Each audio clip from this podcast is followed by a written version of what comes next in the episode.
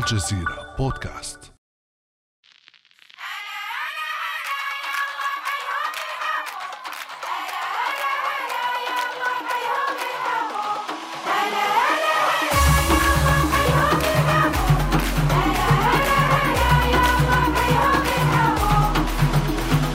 حي الله حيه الرمش له فيه يا حي من جانا ويا زينها من جيه نمد لك يا فنجالنا عالكيف بيوتنا بيتك جيت بشتاء أو صيف. بالحب.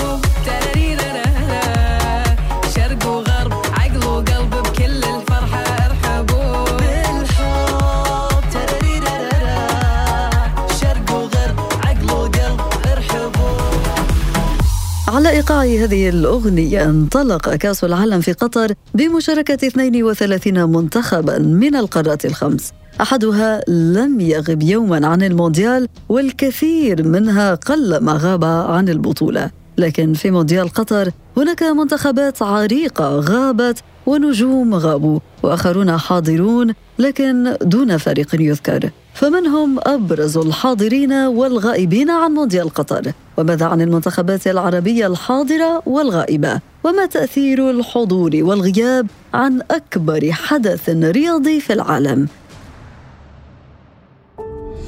هذه أنا أمال العريسي وهذه قصة جديدة من مونديال قطر.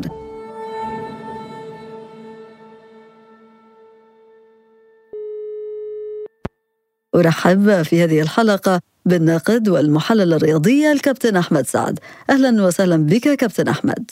أهلا بك أستاذة أمال واهلا بالسادة المتابعين والمستمعين واهلا بكل الضيوف المتواجدين حاليا في بطولة كأس العالم في قطر. ارحبوا كما قالت الأغنية كابتن. موضوعنا مهم جدا كابتن لأنه الغياب يعني الكثير والحضور أيضا يعني الكثير.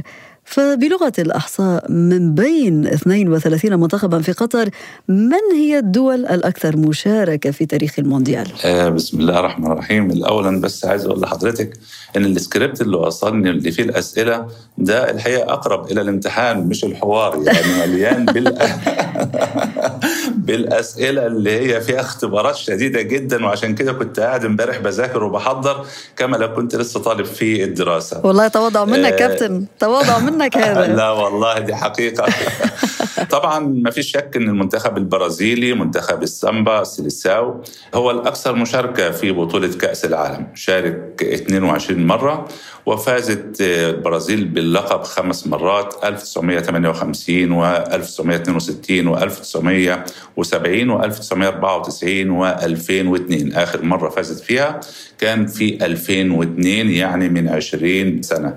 لكن المفارقة مع منتخب البرازيل إنه البرازيل نظمت البطولة مرتين. قبل كده وللأسف لم تفز بالبطولة اللي نظمتها على أرضها بالرغم من أن هي دايما تكون المرشح الأول.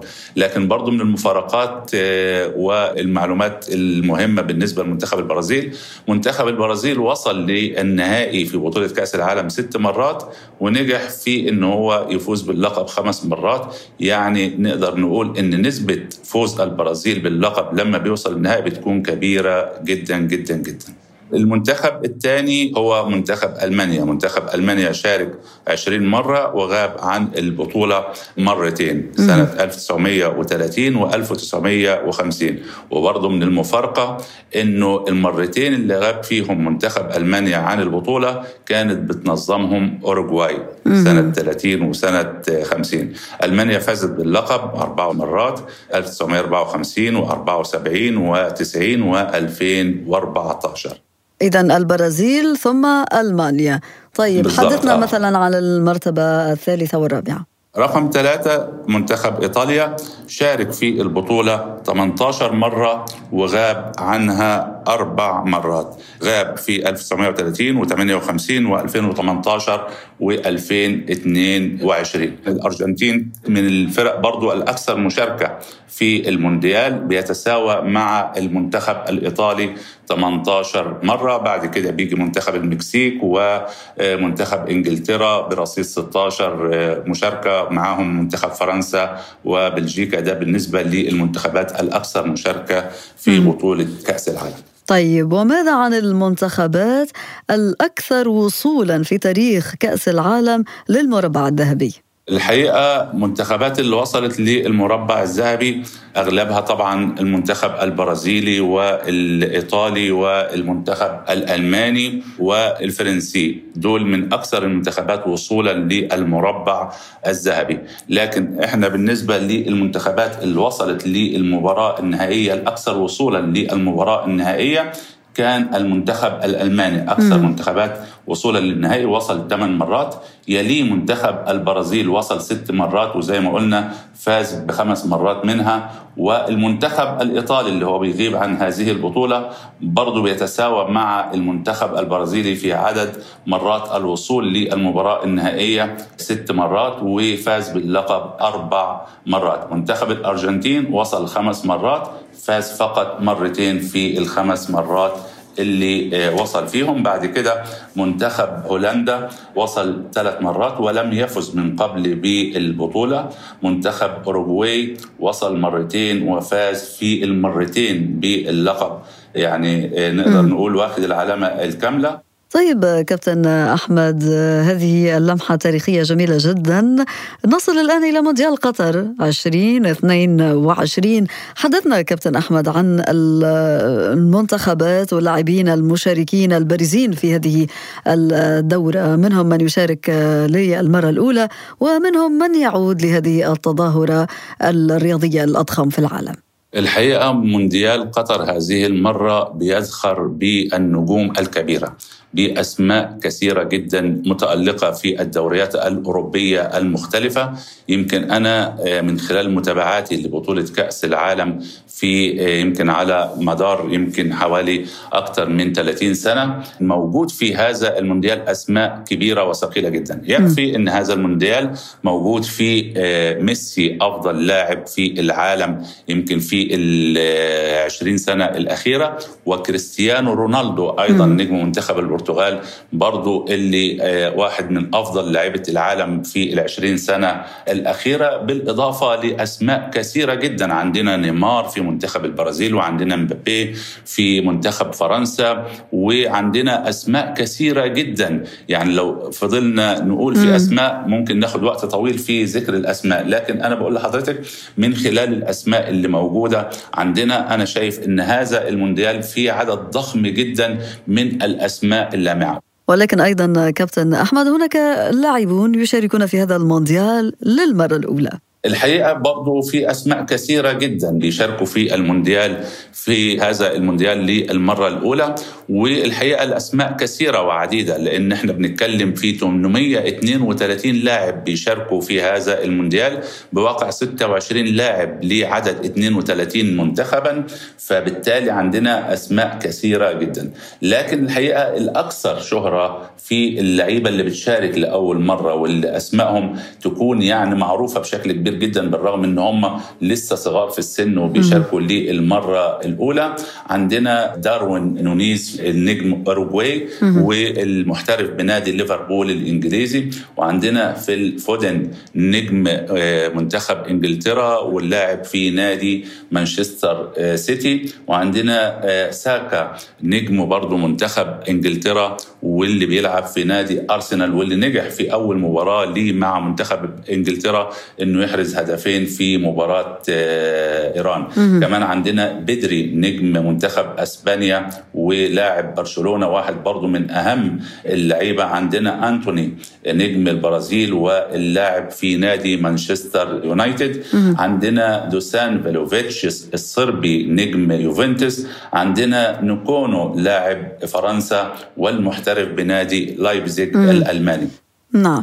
آه، كابتن أحمد بما أننا تحدثنا عن اللاعبين الذين يشاركون للمرة الأولى عن النجوم الذين تطأ أقدامهم عشب الملاعب المونديالية هنا في قطر وكذلك المنتخبات. فهناك سؤال يعني الكثير يهتمون به من متابعي كرة القدم وهو القيمة السوقية لهذه المنتخبات المشاركة في مونديال قطر. حدثنا عن الأغلى ماليا فيها على الأقل. طبعا ما فيش شك إنه المنتخب الأغلى هو منتخب إنجلترا. منتخب إنجلترا القيمة السوقية للعيبة اللي موجودة فيه مليار و260 مليون يورو. وهم بيتصدر منتخب إنجلترا قائمة اللاعبين الأغلى في هذا المونديال. يلي مباشرة منتخب البرازيل القيمه السوقية لنجوم البرازيل مليار و140 مليون يورو. ثم يأتي منتخب فرنسا في المرتبة الثالثة وقيمه السوقية السنوية لنجومه 997 مليون يورو. بعد كده المنتخبات بتيجي بعد كده المنتخب الأرجنتيني والأسباني والمنتخبات الأخرى بيكون أقل القيمة السوقية. بتاعتهم بتبدأ تنزل من 800 ونازل للأقل.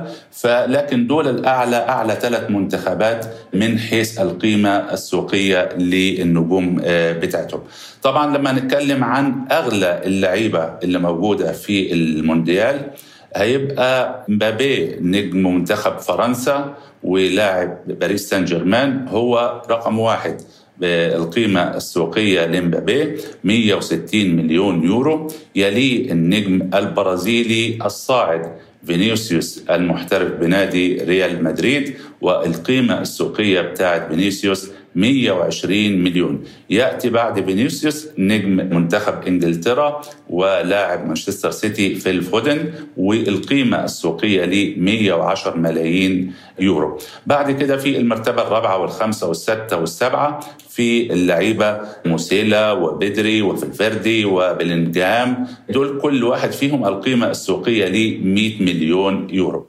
أرقام ضخمة جدا كابتن أحمد يعني نجوم كبيرة حاضرة هنا في مونديال قطر ولكن هؤلاء الحاضرون الذين سيصنعون أفراح الجماهير وعشاق كرة القدم نفتقد خلال هذا المونديال الكثير من المنتخبات كابتن أحمد من بينها إيطاليا فأي طعم للمونديال بدون المنتخب الإيطالي؟ منتخب إيطاليا زي ما قلنا إن هو واحد من أفضل وأقوى المنتخبات المشاركة دائما في بطولة كأس العالم. والحقيقة غياب إيطاليا بيؤثر بشكل كبير على مستوى المنافسة كما أن وجوده بيدي طعم ويدي قوة ومتعة للبطولات اللي بيشارك فيها. لا سيما أن منتخب إيطاليا واحد من المنتخبات زي ما بنقول اللي يعني كانت مشاركاته في بطولة كأس العالم مبكرة جدا من بداية انطلاق البطولة في 1930 فبالتالي غياب منتخب إيطاليا عن البطولة خسارة كبيرة جدا. لكن الحقيقة يبدو إن في حاجة غلط في النظام الكروي في آه، إيطاليا. في الفترة الأخيرة في السنوات الأخيرة وده واضح من مستوى الأندية بتاعتها المشاركة في البطولات الأوروبية المختلفة. كمان برضو عدد اللعيبة الإيطاليين المحترفين في الدوريات المختلفة أصبح قليل جدا مش شايفين لعيبة يعني منتشرة في الدوريات الأوروبية المختلفة زي مثلا لعيبة البرازيل أو لعيبة الأرجنتين أو خلافه من اللعيبة لعيبة المنتخبات اللي موجودة في دوريات كتير. فواضح إن في مشكلة في الكرة الإيطالية واضح إن في مشكلة في السيستم بتاعهم. بالفعل هذا التراجع يطرح الكثير من نقاط الاستفهام.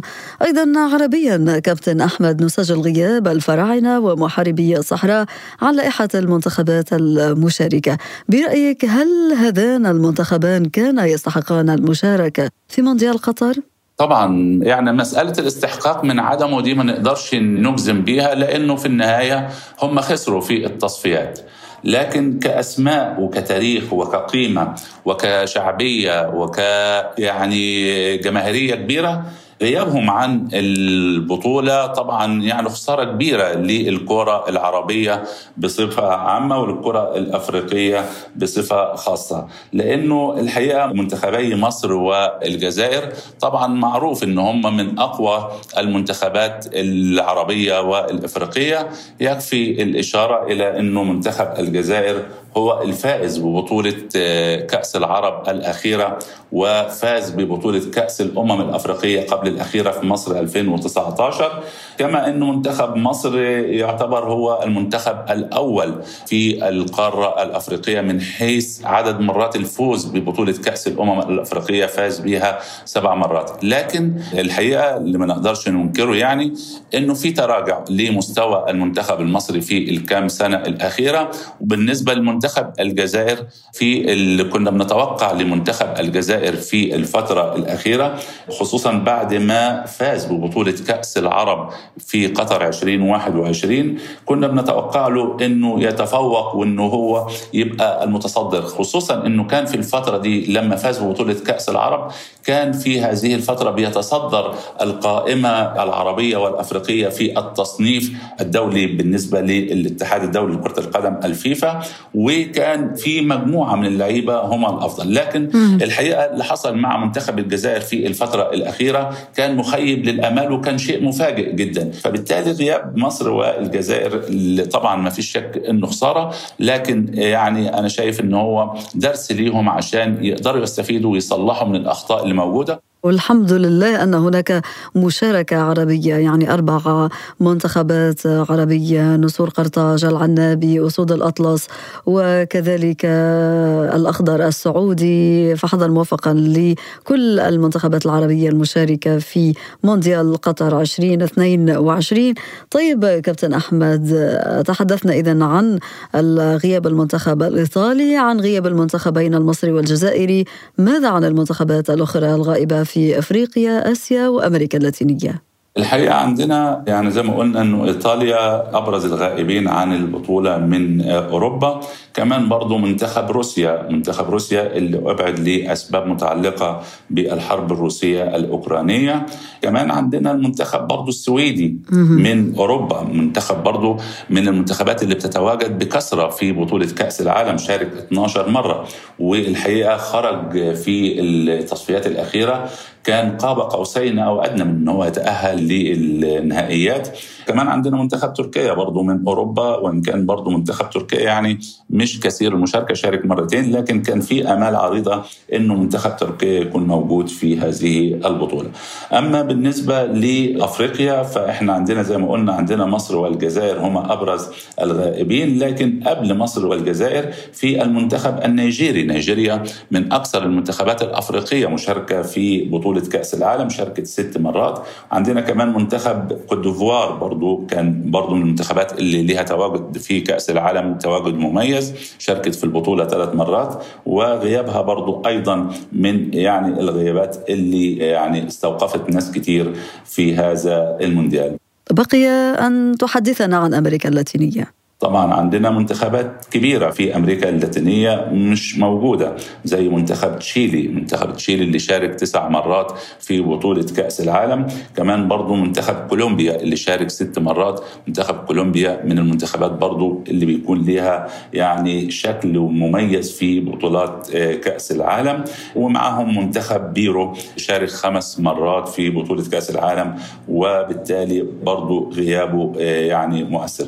خصوصا إن إنه المنتخبات اللي هي في أمريكا الجنوبية يعني بتبقى فرصة التأهل بتاعتها كبيرة لأنه بيبقى في أربع منتخبات بينافسوا على بطاقة التأهل وبتبقى الفرصة يعني كبيرة. فلكن طبعا الكره اللاتينية أمريكا اللاتينية الكره فيها طبعا يعني نقدر نقول إن كل الفرق تقريبا مستواها متقارب يعني باستثناء طبعا البرازيل والأرجنتين اللي هم عندهم تفوق أكثر من بقية الفرق. هذا بالنسبة إذا إلى المنتخبات الغائبة عن مونديال قطر فيفا 2022 نسجل أيضا كابتن أحمد غياب لاعبين بارزين عن هذا المونديال.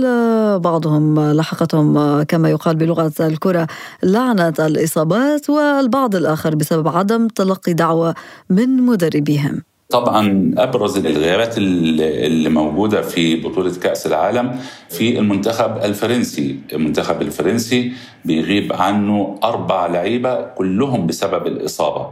أبرزهم وآخرهم كان النجم بنزيما اللي أبعدته الإصابة بعد ما كان متواجد مع المنتخب في القائمة النهائية لبطولة كأس العالم وغياب بنزيما عن المونديال. طبعا كان صدمة لعشاق اللاعب وعشاق ريال مدريد وعشاق المنتخب الفرنسي لا سيما وإن بنزيما خلاص يعني وصل لسن 34 سنة وده آخر مونديال ليه وهو الحقيقة عامل السنة اللي فاتت موسم أكثر من رائع وتوج بلقب أحسن لاعب فاز بالكرة الذهبية. وكانت الأمال الموضوع عليه إنه ممكن يعني يختتم مشواره في هذا المونديال بأداء جيد وتحقيق بطولة. لكن بكل أسف يعني جاءت الرياح بما لا تشتهي السفن وأصيب بنزيما وغاب عن كأس العالم. كمان برضو عندنا ثلاثة تاني من منتخب فرنسا غيبتهم الإصابة منهم النجم بالبوجبا لاعب وسط المنتخب الفرنسي. اللي برضو تعرض لإصابة مؤخرا مع نادي الإيطالي والإصابة أبعدته عن المونديال. كذلك الأمر بالنسبة لإنجولو كانتي. إنجولو كانتي نجم وسط الفريق وواحد من أبرز وأهم وأكثر العناصر تاثيرا دائما سواء مع منتخب فرنسا أو مع فريقه الإنجليزي تشيلسي. وأنا يمكن اتكلمت أكثر من مرة وأنا بحلل مباريات تشيلسي وقلت إنه أكثر حاجة أثرت على تشيلسي ونتائج تشيلسي في الفترة الأخيرة هي غياب كانتي. كانتي مهم جدا وجوده اللاعب الرابع في منتخب فرنسا النجم الدفاع كيمبيمبي وبرضه الإصابة أبعدته. ده برضه واحد من اللعيبة الأساسية والمهمة في المونديال عندنا لعيبة أخرى عندنا في المنتخب السنغالي طبعا النجم ساديو ماني نجم بايرن ميونخ اللي برضه يعني أصاب ناس كتير بالحزن والزعل على غيابه. فعشان كده كان غياب ساديو ماني يعني أحزن ناس كتير وأنا واحد من الناس اللي زعلت جدا. على غياب ساديو ماني. نعم. بما أنك تحدثت عن هذا التاثير الجماهير زعلت المحللين الرياضيين يعني تأثروا بغياب عدد من النجوم على المونديال قطر 2022 هذا يقودنا للحديث عن أثر الغياب والحضور. فماذا يخسر وماذا يربح الغائبون عن المونديال كابتن أحمد؟ طبعا بالنسبة لو إحنا هنتكلم عن المنتخبات. المنتخبات طبعا ده بيتأثر التصنيف بتاعها بتأثر القيمة السوقية بتاعت اللعيبة اللي موجودة فيه.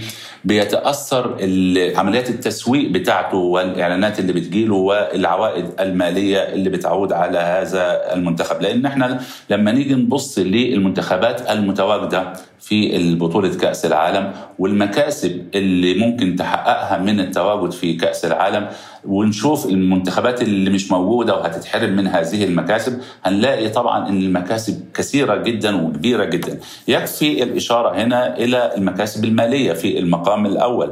يعني أنت الفريق أو المنتخب اللي بيشارك في بطولة كأس العالم بياخد 9 مليون دولار لكل منتخب بيشارك في دور المجموعات فقط بياخد 9 ملايين دولار. اللي بيوصل دور ال 16 بيزيد 4 ملايين دولار يعني بيبقى بياخد 13 مليون دولار. لو وصل الدور ربع النهائي بيزيد برضه 4 ملايين دولار فبيبقى 17 مليون دولار. لو وصل نصف النهائي بياخد 21 مليون دولار. المركز الرابع بياخد 25 مليون دولار. المركز الثالث بياخد 27 مليون دولار. البطل بياخد 42 مليون دولار بزيادة 10 ملايين دولار عن الآخر بطولة. فبالتالي أولا ده من حيث المكاسب المالية. وكذلك يتأثر التصنيف كابتن. ده بيأثر على تصنيفها وترتيبها في ال ranking بتاع الفيفا بيأثر على وجود المنتخبات دي في التصنيف لأنه التصنيف بعد كده بيلعب دور في البطولات المختلفة وبيتأثر المنتخب اللي بيبقى تصنيفه متأخر بيقع في مع فرق كبيرة في التصنيف الأول وبالتالي ده بيأثر بشكل كبير جدا على يعني منافسات المنتخبات دي في البطولات مستقبلا. فبالتالي المنتخبات اللي مش بتتواجد في بطولة كأس العالم العالم بتخسر كل هذه المكاسب. أما بالنسبة للعيبة اللي بتغيب سواء اللعيبه اللي غايبة للإصابة أو اللي غايبة بقرار فني من الأجهزة الفنية طبعا بتخسر كتير برضو. يعني بتخسر اولا يعني قيمة ليها وتاريخ بتضيفه لنفسها.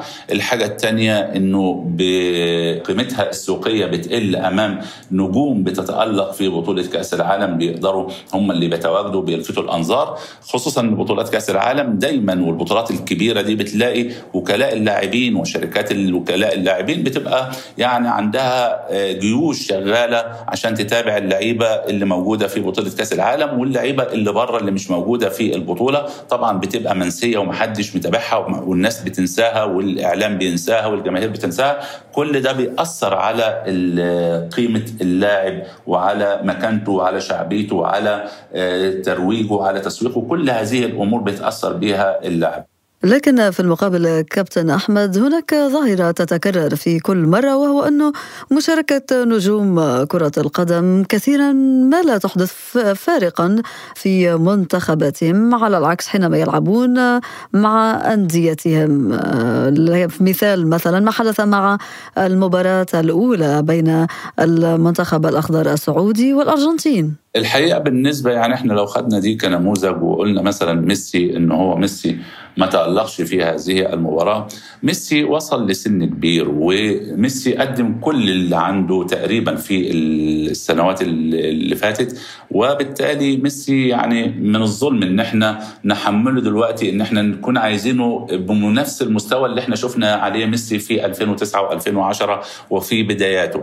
فبالتالي إحنا علينا إن إحنا يعني الناس تبقى منطقية وهي بتقيم ميسي في هذه المباراة.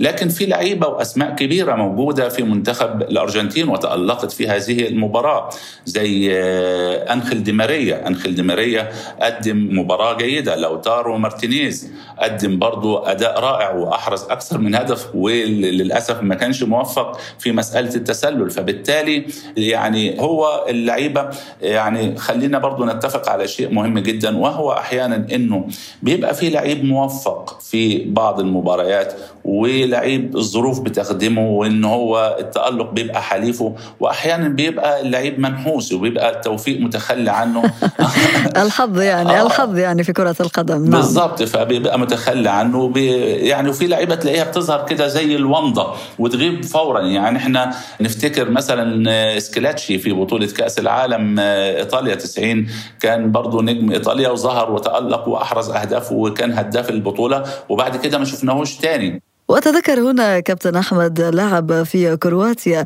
اسمه سوكير أيضا ظهر هكذا وثم لم نسمع عنه شيئا. الحقيقة زي ما قلت لحضرتك إنه سوكير أو شوكير زي ما البعض بينطقوا لعيب يعني تألق في فترة الثمانينات وكان ليه ظهور بس برضه ظهوره ما كانش يعني مستمر. ظهر في مونديال فرنسا 1998 ونجح في إنه ساعتها ياخد لقب الهداف برصيد ست أهداف وعشان كده الاسم بتاعه وقتها كان الناس كلها بتتكلم عنه وساعتها تفوق على أسماء كبيرة كانت موجودة زي رونالدو مهاجم البرازيل وزي كلينسمان مهاجم آه، ألمانيا. فالحقيقة يعني شوكير كان واحد من اللعيبة اللي برضه نقدر نقول إنها زيها زي سكيلاتشي وزي باولو روسي واللعيبة اللي أحيانا بتلاقيها بتظهر مرة واحدة وبعد كده بتختفي لأنه غالبا اللاعب اللي زي ده اللي هو بيظهر مرة واحدة ويختفي غالبا بيكون عنده ميزة التهديف بيبقى هداف لكن ما عندوش المهارات اللي الممتعة اللي تبقيه في الملاعب فترة طويلة. واحد زي ميسي اللي بيخليه يقعد فترة طويلة في الملاعب اللاعب إن هو عنده مهارات وعنده موهبة.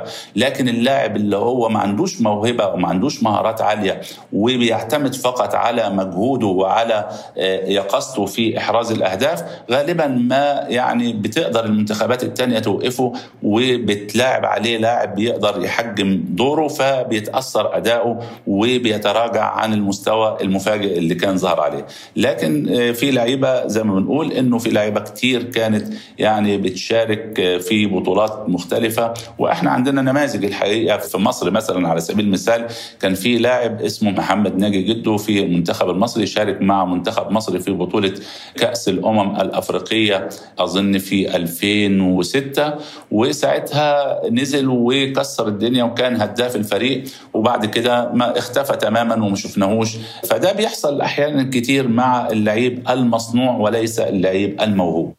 ولكن القاعدة وكما تقول المقولة الشهيرة كابتن أحمد أنه هناك بعض الأشخاص أو بعض اللاعبين يستطيعون أن يحتفظوا بحضورهم رغم الغياب يعني مثلا في مونديال قادم ربما قد لا نرى ميسي أو رونالدو أليس كذلك كابتن أحمد؟ طبعا ما فيش شك إنه النجوم الكبيرة وأصحاب المواهب العالية اللي زي ميسي وزي رونالدو دول بنقدر نقول عليهم إن هم زي الورد. حتى لو دبل الورد بتظل ريحته فيه. عشان كده هيظل أسماء ميسي ورونالدو موجودة في على مر التاريخ زي ما عندنا أسماء كتيرة موجودة من تاريخ سابق زي مارادونا وزي بيليه وغيرهم من الأسماء الكتيرة اللي تركت بصمة. وما زالت الناس لغاية دلوقتي بتتكلم عنهم عنهم وتذكرهم. فبالتالي أعتقد إن النجوم أمثال ميسي وكريستيانو يعني هتظل سيرتهم مستمرة في ملاعب كرة القدم وبين جماهير الكورة إلى مستقبل طويل بإذن الله. وفي الختام كابتن أحمد أنا سأعطيك علامة كاملة بما أنك أعددت وذكرت كويس اللهجة المصرية لهذه الحلقة. بارك الله فيك. شكرا جزيلا لحضرتك. شكرا شكرا. كان هذا بعد أمس.